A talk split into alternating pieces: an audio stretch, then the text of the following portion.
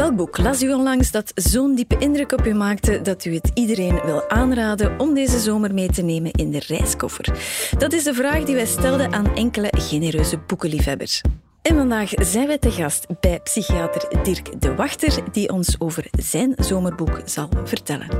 Mijn naam is Guinevere Klaes en ik heet u een zeer warm welkom bij Letteren.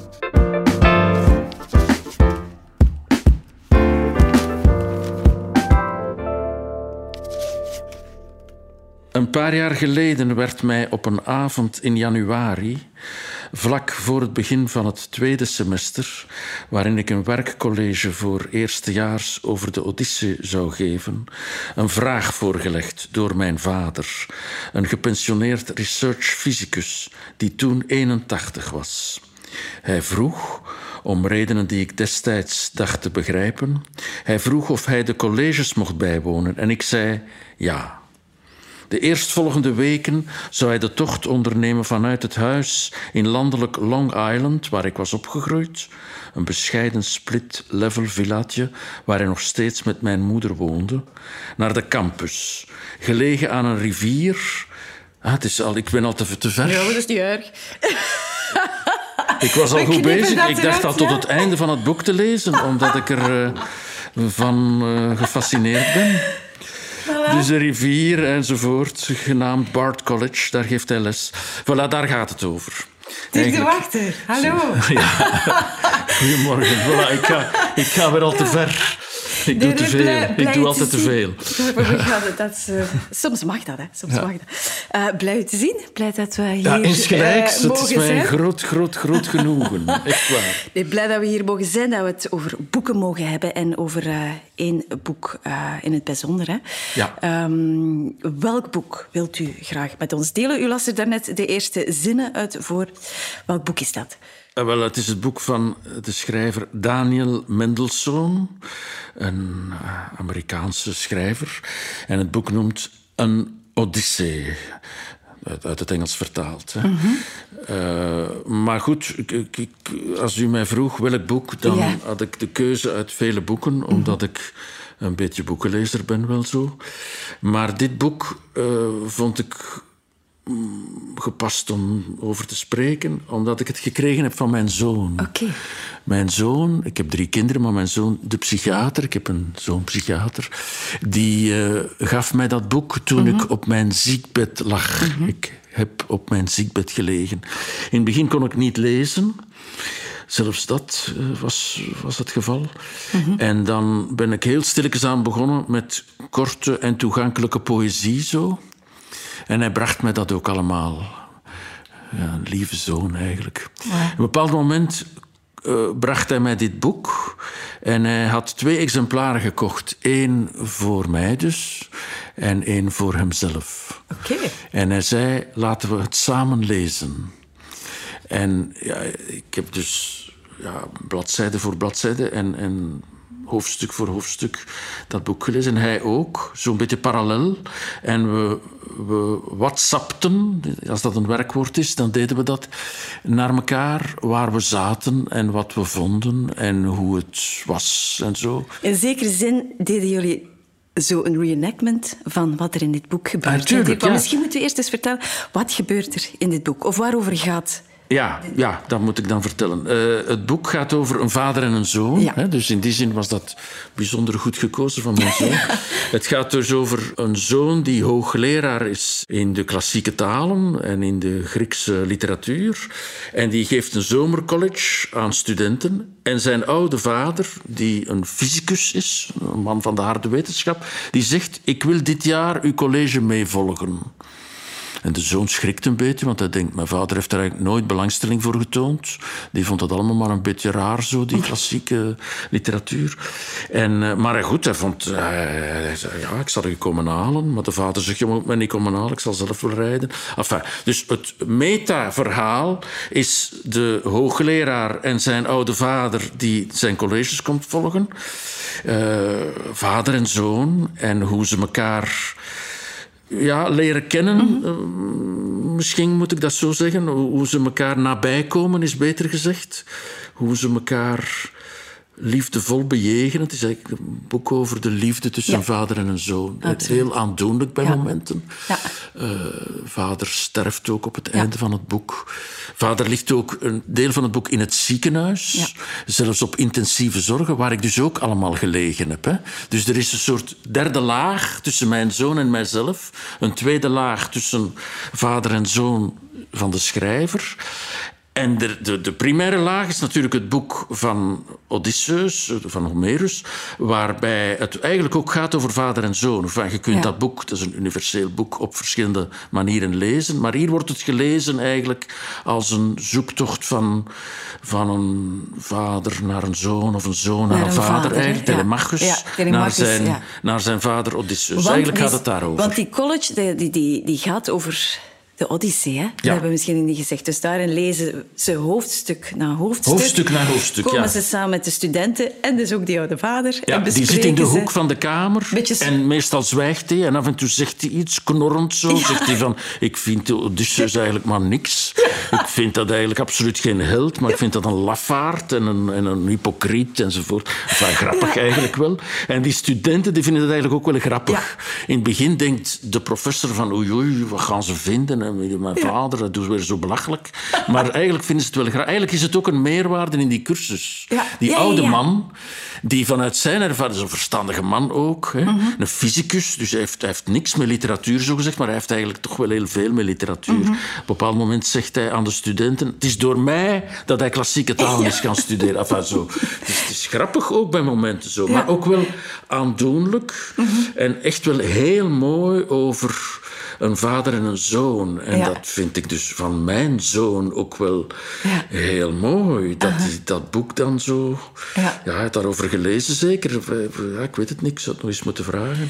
Want de Odyssee, dat is, voor mij was dat ook nieuw om het eigenlijk vanuit dat opzicht te lezen. Van inderdaad, de zoektocht van Telemachus naar die vader die Ja. al twintig jaar weg is. Waar, waar, waar Ja. zit die gast? Ah ja, maar Telemachus was- heeft ja. zijn vader niet gekend. was Nee. nog een baby als, als vader Odysseus naar de oorlog van Troje vertrok. Hè?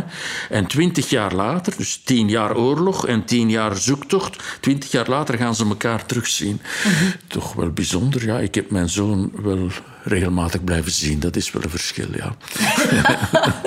Dus het is inderdaad, maar dat is een heel mooi gegeven. Hè. De vraag is, komt ook uit het boek, vind ik, van hoe goed kun je je ouders kennen, bijvoorbeeld. Want we kennen onze ouders alleen in hun goeddanigheid als, als ouder eigenlijk. Of toch vooral, hè.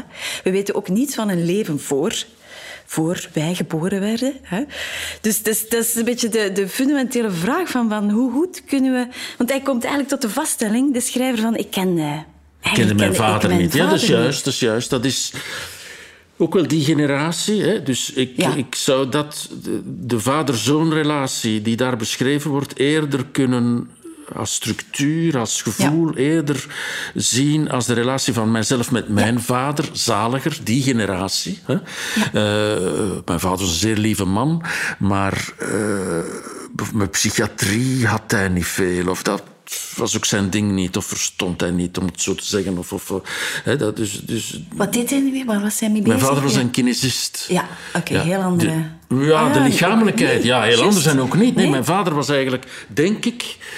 Enfin, nu zeg ik iets over mijn vader. Mhm. eh, Een, een, een bijzonder goede luisteraar die tijdens het behandelen van zijn patiënten, lichamelijk dus, hè, oefeningen en massages en elektrotherapie en zo, mijn, mijn broer doet dat ook, maar ondertussen luisterde hij naar de verhalen van mensen natuurlijk. Hè. Ik denk dat kinesisten vaak wel heel goed psychotherapeutisch Oh, werk ja. doen. Zo. En mijn vader denk ik ook wel. Mhm. Was een heel lieve man en een hele goede luisteraar. Mhm. Maar eh, psychiatrie vond hij iets raar. En dat, mijn, keuze voor psychiatrie vond hij ook merkwaardig. Dus daar zie ik nog wel Ja, een ja, ja. gelijkenis met de personages in het boek. Terwijl mijn zoon, hè, die het boek gegeven heeft, hè, als het nog duidelijk is, is ook een psychiater.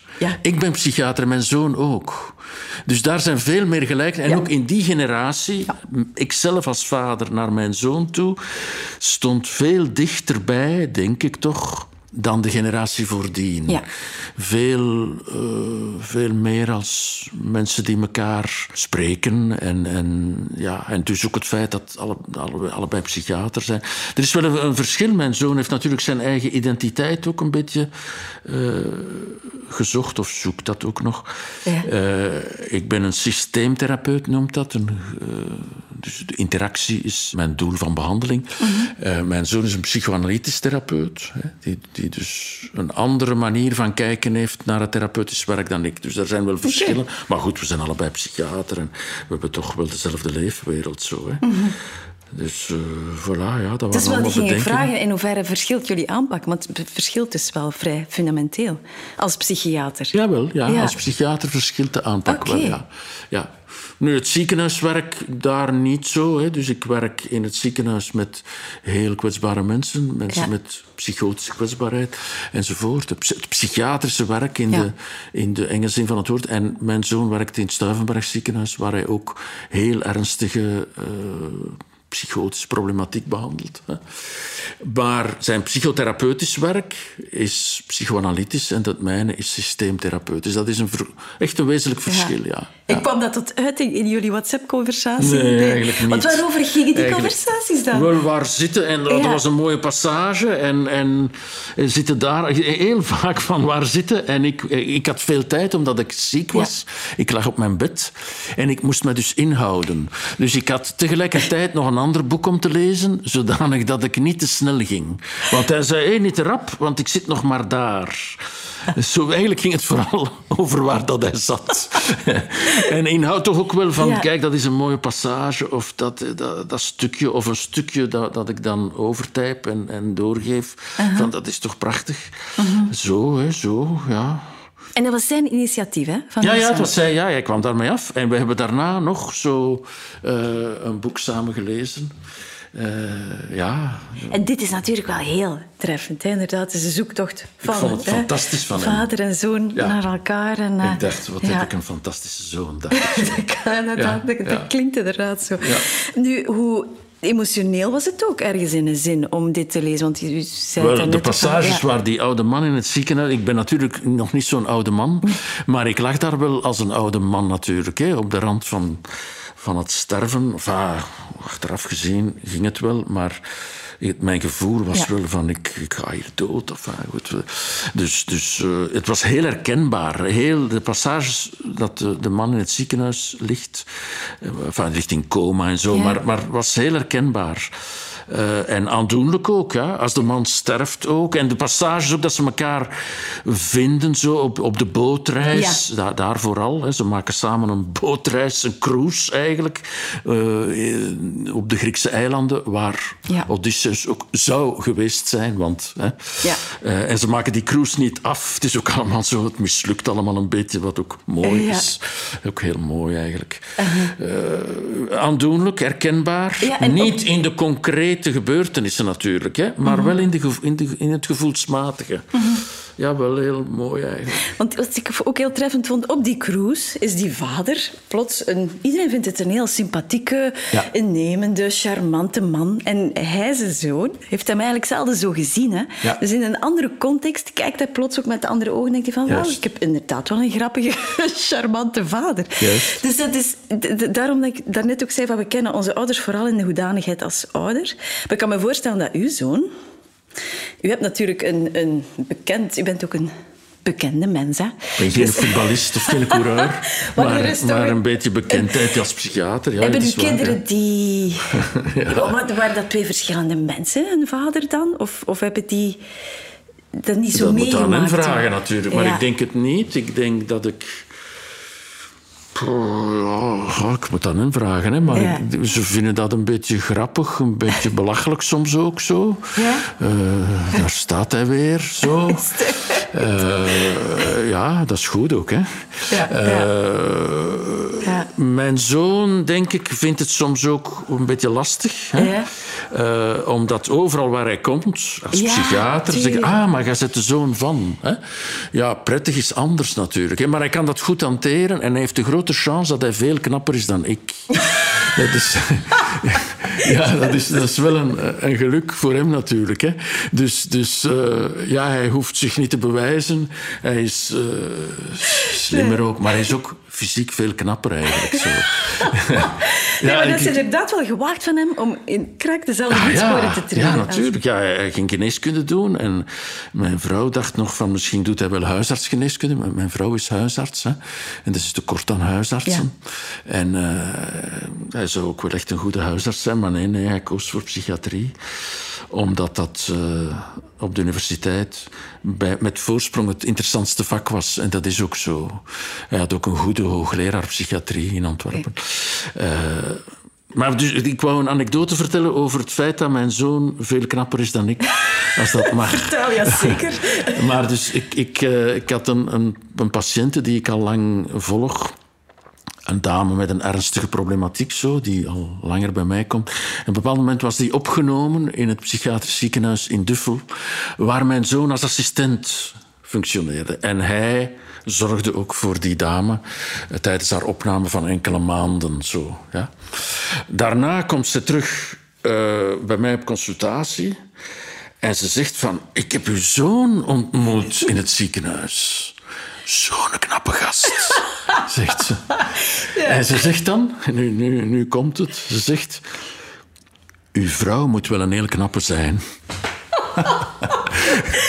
ze zei dat heel argeloos. Is ah, ja, het is een dame uh, met, met, met, met heel vriendelijke, uh, eenvoudige uh, gedachten, zal ik maar zeggen. ik heb dat uiteraard beaamd. maar toen wist ik wel de, de, uit een onschuldige opmerking komt de waarheid natuurlijk. Hè. Dus, uh, om maar te zeggen dat mijn zoon geen probleem moet hebben met zijn wat halfbekende vader. Uh, nee. In verband met Odysseus nog, hè. had u de Odyssee al gelezen? Ooit? Nee, niet woord voor woord, toch niet. Ik heb... Uh, ja, dat is een pijnlijk punt waar je nu op wijst. Maar het pijnlijke punt dat ook de vader Mendelssohn betrof. Ik heb Latijnse gedaan, maar geen Latijn-Griekse. Mijn broer heeft Grieks gedaan.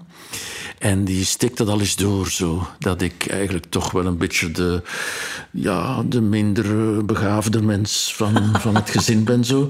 Uh, dus ik heb uh, gekozen voor Latijn-wiskunde, omdat ik al op die jonge, prille leeftijd werd gemandateerd om geneeskunde te studeren. Van thuis uit werd dat zo heel erg verwacht en, en gestimuleerd om geneeskunde te studeren. Mijn vader was kinesist en hij werkte heel vaak met dokters ook. En voor hem waren dokters uh, de top van uh, wat men dan in deze maatschappij kan bereiken, zo bij mhm. wijze van spreken, een beetje mm -hmm. overdreven gezegd. Mm -hmm. Maar dus geneeskunde studeren was eigenlijk mijn missie. En uh, dus in de ja, bij, wanneer moet je dat kiezen? In de tweede Latijnse of zoiets? Ja, ja, Koos ik voor Latijn-wiskunde. Ja, Toen al in het achterhoofd om ook wetenschappelijke vakken, of eventueel ook ingenieur of, of andere dingen, te kunnen doen. En dus het Grieks heb ik verlaten. Mijn broer heeft Grieks-Latijn gedaan en heeft dus veel meer kennis van, van de van de Griekse literatuur. Ja, dus in, in, in, dat opzicht was het ook een, een goede kennismaking met die Odyssee, want het had ja, maar ik heb, mij wel, ik, ik heb mij wel daarin... Ik, ik, ken, ik heb ze dus niet gestudeerd op school, maar ik ken de verhalen wel. Ik heb me daar wel mhm. mee bezig gehouden. En een van de boeken waar ik heel erg mee bezig geweest ben in mijn jonge jaren, is de Ulysses van Joyce. Uh, dat, dat was zo... Ik heb dat boek gelezen, of af proberen te lezen, moet ik dan zeggen, tijdens de grote vakantie tussen de humaniora en de universiteit. Dan hadden we drie maanden vakantie, zo. Hè. En dan heb ik dat boek gelezen in de oorspronkelijke taal, met een vertaling in het Nederlands en met een hulpboekje met, waarin alle ja, onmogelijke, onbegrijpelijke dingen een stukje werden verklaard. Zo.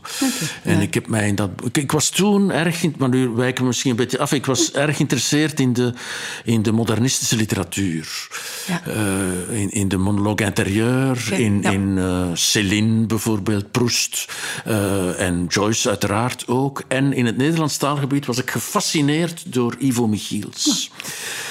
Zo op jonge leeftijd. Daarna ben ik terug naar de klassieke grote romanliteratuur gekomen eigenlijk. Maar dus mhm. Ulysses... In die zin was hij er wel ook. Daar, daar, dat, dat zit wel nogal in mijn, in mijn hoofd, zo wel, ja. Ja, ja. ja, ja, Nu, het, want, want we hebben het er eigenlijk ook... Het, een, een thema is toch ook dat je als zoon dat het niet makkelijk is om uw vader te evenaren of uh, uw vader te overstijgen. Hè? Dat is toch ook... Dat is ook het thema in, ja, in, in het boek. Ja, ja hè? in het boek. Hè? Hier, dat het... Uh, ja. Dat, ja, zowel in het oorspronkelijke verhaal, het Griekse verhaal, als in het verhaal van de schrijver. Hè? Ja. Dat, en het is, voor zover ik het begrijp, ook nogal autobiografisch.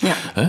Hij schrijft in de ik-persoon, maar het, hij is ook een hoogleraar klassieke taal enzovoort. Dus het is vrij autobiografisch. Ja. Ja, ja, ja. Ja. Ja, dat is het thema. En is dat ook een onderwerp geweest tussen jullie dan? Dat kan toch niet anders? Hè? Enfin...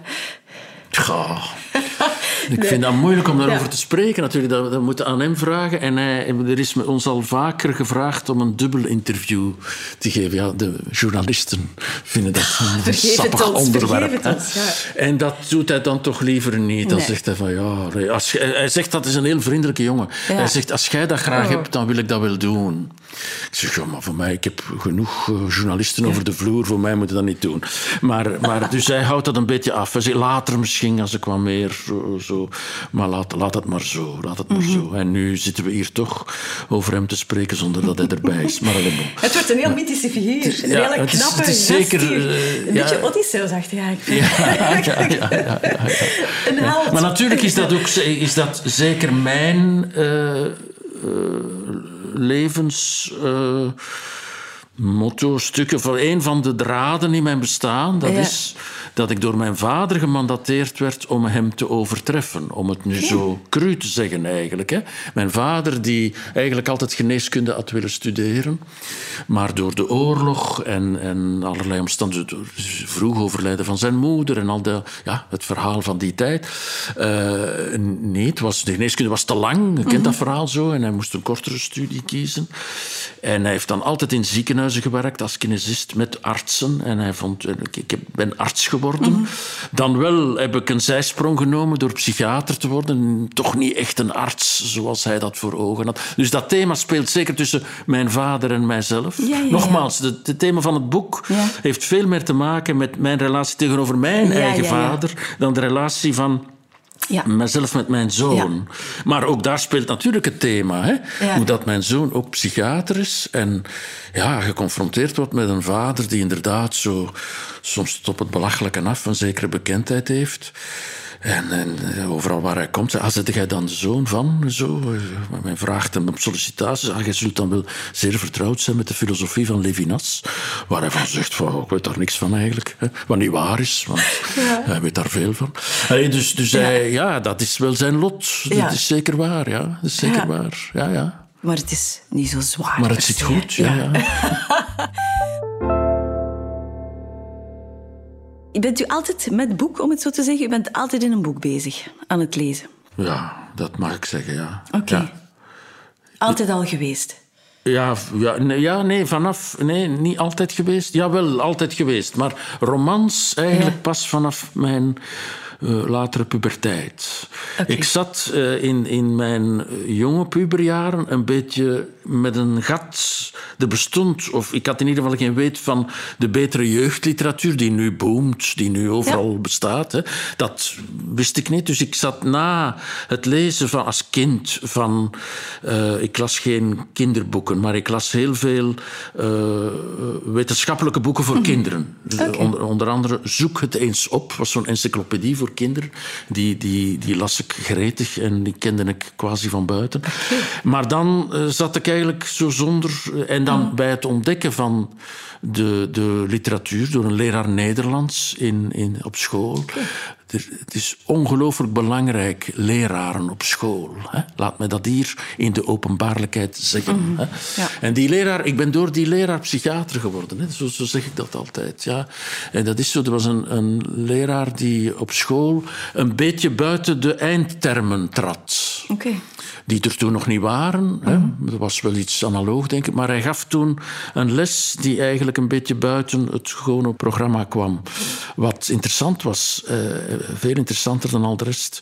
En naar aanleiding van de boeken die op de lijst stonden, namelijk uh, Clem Schouwenaars en Hubert Lampo.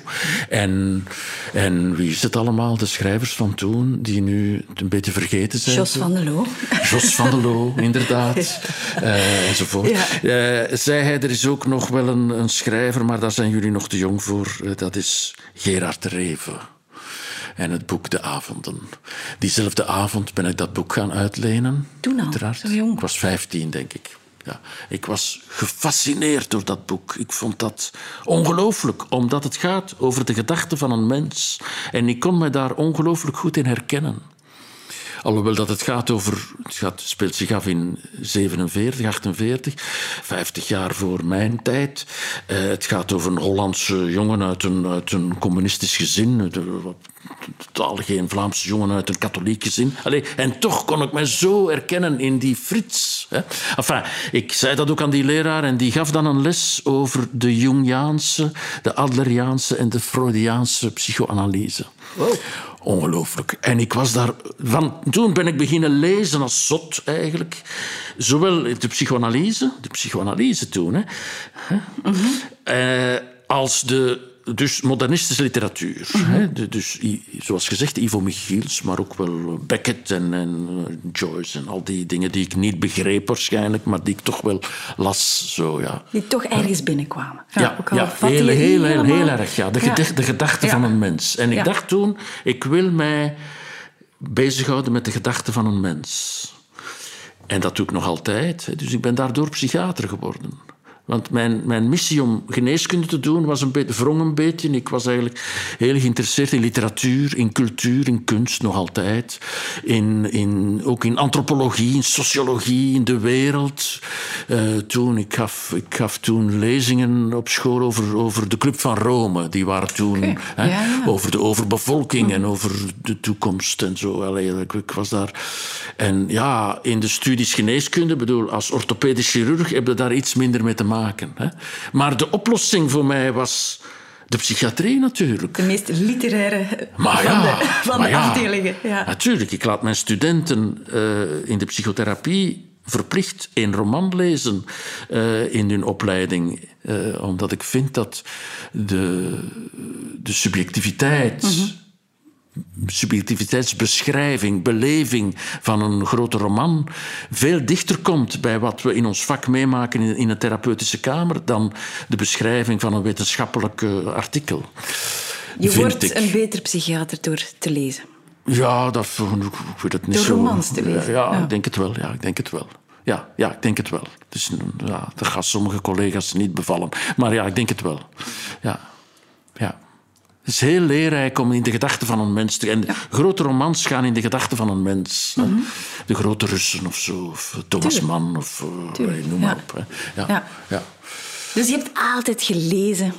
Altijd, los daarom niet per se in functie van. Maar je nee, nee, altijd... liefst niet te veel in nee. functie van. Want ik moet natuurlijk ook heel veel lezen in functie van. En daar heb ik wel geleerd om heel snel te lezen thesissen en artikelen ja, en okay. masterproeven en uh, dat soort dingen. Hè? Ja. ja. En ook professionele literatuur natuurlijk. Ja. En op je ziekbed heb je veel gelezen, dus ook niet in het begin? Wel, in het begin niet. Ik kon niks niet meer. Hè. Ik, was, ik was helemaal weg van de wereld. Zo. Ik kon me niet meer concentreren. Ik hoop dat ik nu geen chemobrain heb. Ik denk het niet. Maar ik heb er ook een beetje schrik van dat ik zo ja, geheugengaten zou hebben. Dat ja. beschrijft men soms. Maar mijn chemotherapie geeft geen haaruitval, zoals mm -hmm. u dat ziet. Mm -hmm. De luisteraar moet het maar geloven. Maar. Uh, maar, maar, ook ja. geen uh, chemobrain, denk ik. Mm -hmm. Maar dus van alles anders waar ik veel last van heb. Maar dus ik heb uh, dan begonnen ben ik met gedichten, met toegankelijke poëzie. Dat, korte stukjes. En dan kortverhalen. Uh, Julian Barnes, zijn, zijn dikke bundel kortverhalen. Oh, wow. uh, dat komt, zo kortere stukken. Okay. En dat heb ik in het begin... En ik moet, mijn vrouw heeft het daarna gelezen en we hebben daar dan over gesproken. We spreken zo over boeken. Dat is heel romantisch. Oh, maar, ja, dat is fantastisch ook, hè. Ja. Ik moet hier toch wel reclame maken voor de literatuur. voilà, bij deze. Heel goed bezig, vind ik. Eh, en eh, zij eh, vertelde een aantal dingen over verhalen die ik eigenlijk niet meer wist. Dus, dus in die eerste fase was mijn brein toch niet optimaal. Zo. Maar enfin, goed, dan ben ik terug stilletjes. En dan door mijn zoon ben ik terug in de romans gedoken. En dan was ik in Parijs. Ik ben vaak in Parijs, zoals u weet. Absoluut. en daar was ik op de dag, en ik was ook speciaal daar, op de dag dat Anéantir van Michel Houellebecq uitkwam. Dus ik stond in de boekhandel als eerste. Ik heb het eerste exemplaar van Anéantir gekocht in de boekhandel. Ik heb het hem ook laten weten. Uh, en hij zei, lees het niet. U bent een van de enigen, dat moet toch ook eens gezegd worden, hè? die contact heeft hè, met uh, Welbeck. Die bij hem is gaan eten. Hè? Die, ja. ja een diner. Dan heeft tot ging erachter bij Michel Houellebecq. En wanneer was dat Wie kan dat vertellen? Ja. maar dat is ondertussen bijna tien jaar geleden, was na Borderline Times. Okay, ja. omdat ik hem daar vaak in citeer ook en zo. Dat is een heel lang verhaal. Dat is voor een andere podcast. maar intussen hebben jullie contact nog? Jawel, ja, ja, ja. ja, Mijn boekje uh, De kunst van het ongelukkig zijn is vertaald in het Frans. En zo via de uitgeverij is terug contact met uh, Houellebecq. Die mij zei, lees het boek niet. Niet. Lees het niet, want dat is echt niet goed voor u. Hij zegt: lees Arthur Conan Doyle. Zoals ik beschrijf in het boek, en inderdaad, hij beschrijft het zo dat het personage uh, Arthur Conan Doyle leest en daar zich goed bij voelt. Want het personage, het, gaat, het boek is gelaagd en gaat over van alles, maar het gaat vooral ook over een man die kanker krijgt. En het is een verschrikkelijk verhaal natuurlijk. Het is very Houellebecq. Dus het wordt beschreven, het is een kanker van het kaakbeen. Het wordt beschreven op een vredaardige wijze. De man gaat ook dood. Enfin, het boek eindigt voor hij sterft, maar het, het, gaat altijd slechter en hij gaat ook dood. En dus Houellebecq wou mij beschermen tegen de verschrikking van dat boek. Maar ik heb het wel gelezen natuurlijk. Ik laat mij door niemand tegenhouden. Zelfs ook niet door Houellebecq. Ja. En uh, het is een ongelooflijk prachtig boek, maar nu zijn we over een ander boek bezig. Heerlijk, hè? Meer hoe beter eigenlijk. Ja. Maar dus het lezen blijft... Het is niet dat uh, sinds u ziek bent dat u grijpt naar andersoortige literatuur. Dat zou kunnen, hè? dat je andere dingen zoekt. Nee, nee, dat is, nee, er is Niks, dat is belangrijk. Dat vragen journalisten mij. Is er nu iets veranderd in uw mhm. leven? Er is niets veranderd in mijn mhm. leven. Niets wezenlijk. Mhm. Ik heb dezelfde bezigheden. Ik uh, zie mijn vrouw nog altijd graag. Dat is wel belangrijk natuurlijk. Hè? Dat, dat, is ineens anders zou zijn. Ik ben ook niet... Uh, terug naar de kerk gegaan of zo van die dingen.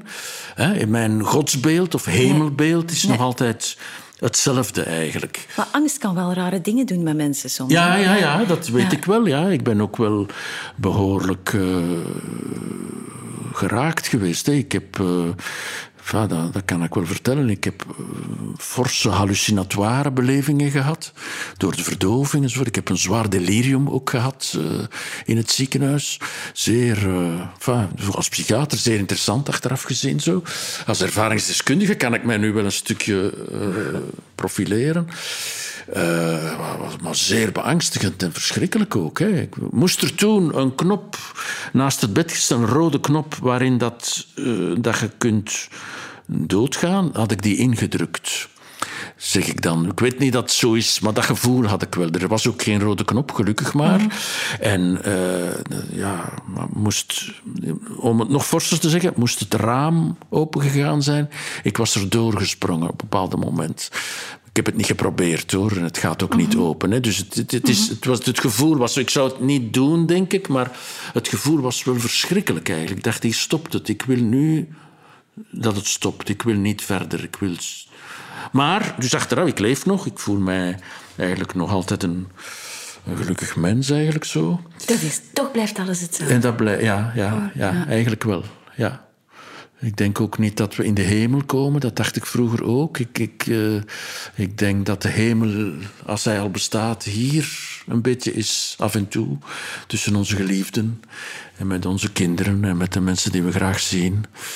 En dat die ook als we dood zijn nog blijven spreken over ons. Toch nog een generatie of anderhalve generatie. En dat we zo inderdaad nog wat bestaan. Hè? Zoals Sartre beschrijft dat in een roman, waarin dat de doden dan tussen de levenden staan. Maar de levenden weten dat niet. Hè. Het is een, mooi, een, mooi, een heel mooi boek eigenlijk, waar ik ook vaak terug naar grijp. Nog een ander boek. Ja, nog een ander boek. Ja, ja, ja, ja, Want, om af te ronden, dit, dit boek hier, hè, een Odyssee, wie, wie, wie zou je dit boek aanraden? Of specifiek? Alle mensen die een vader hebben.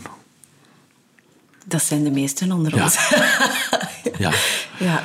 Ja, het is, het, is echt, het is een mooi boek. Het leest, ook, het, het, leest nogal vlot. Het is een zwaar onderwerp. Hè. Die Odysseus, dat is toch ook wel geen simpele lectuur. Maar het wordt heel didactisch. Het is, het is duidelijk een professor in de literatuur. Dus het leest eigenlijk heel gemakkelijk. Het leest aangenaam.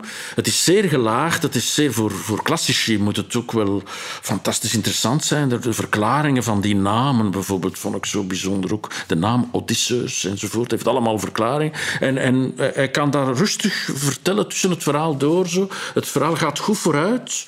Uh, ik heb het in vertaling gelezen, maar ik denk dat het ook in het Engels heel vlot te lezen is. Zo. Het is geen moeilijke taal.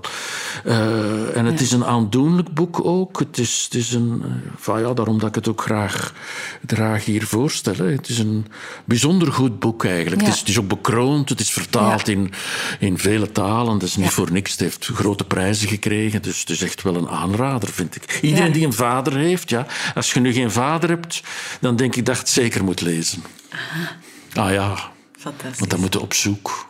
Het is een oproep om op zoek te gaan naar elkaar, hè? om de gêne te overwinnen. Ook, ja, ja, in ik ben ook een, ja, dat is ja. nu stelde daar een vraag die voor een, uh, voor een psychiater, voor een psychotherapeut ook heel wezenlijk is. Op zoek gaan naar uw oorsprong. Hè?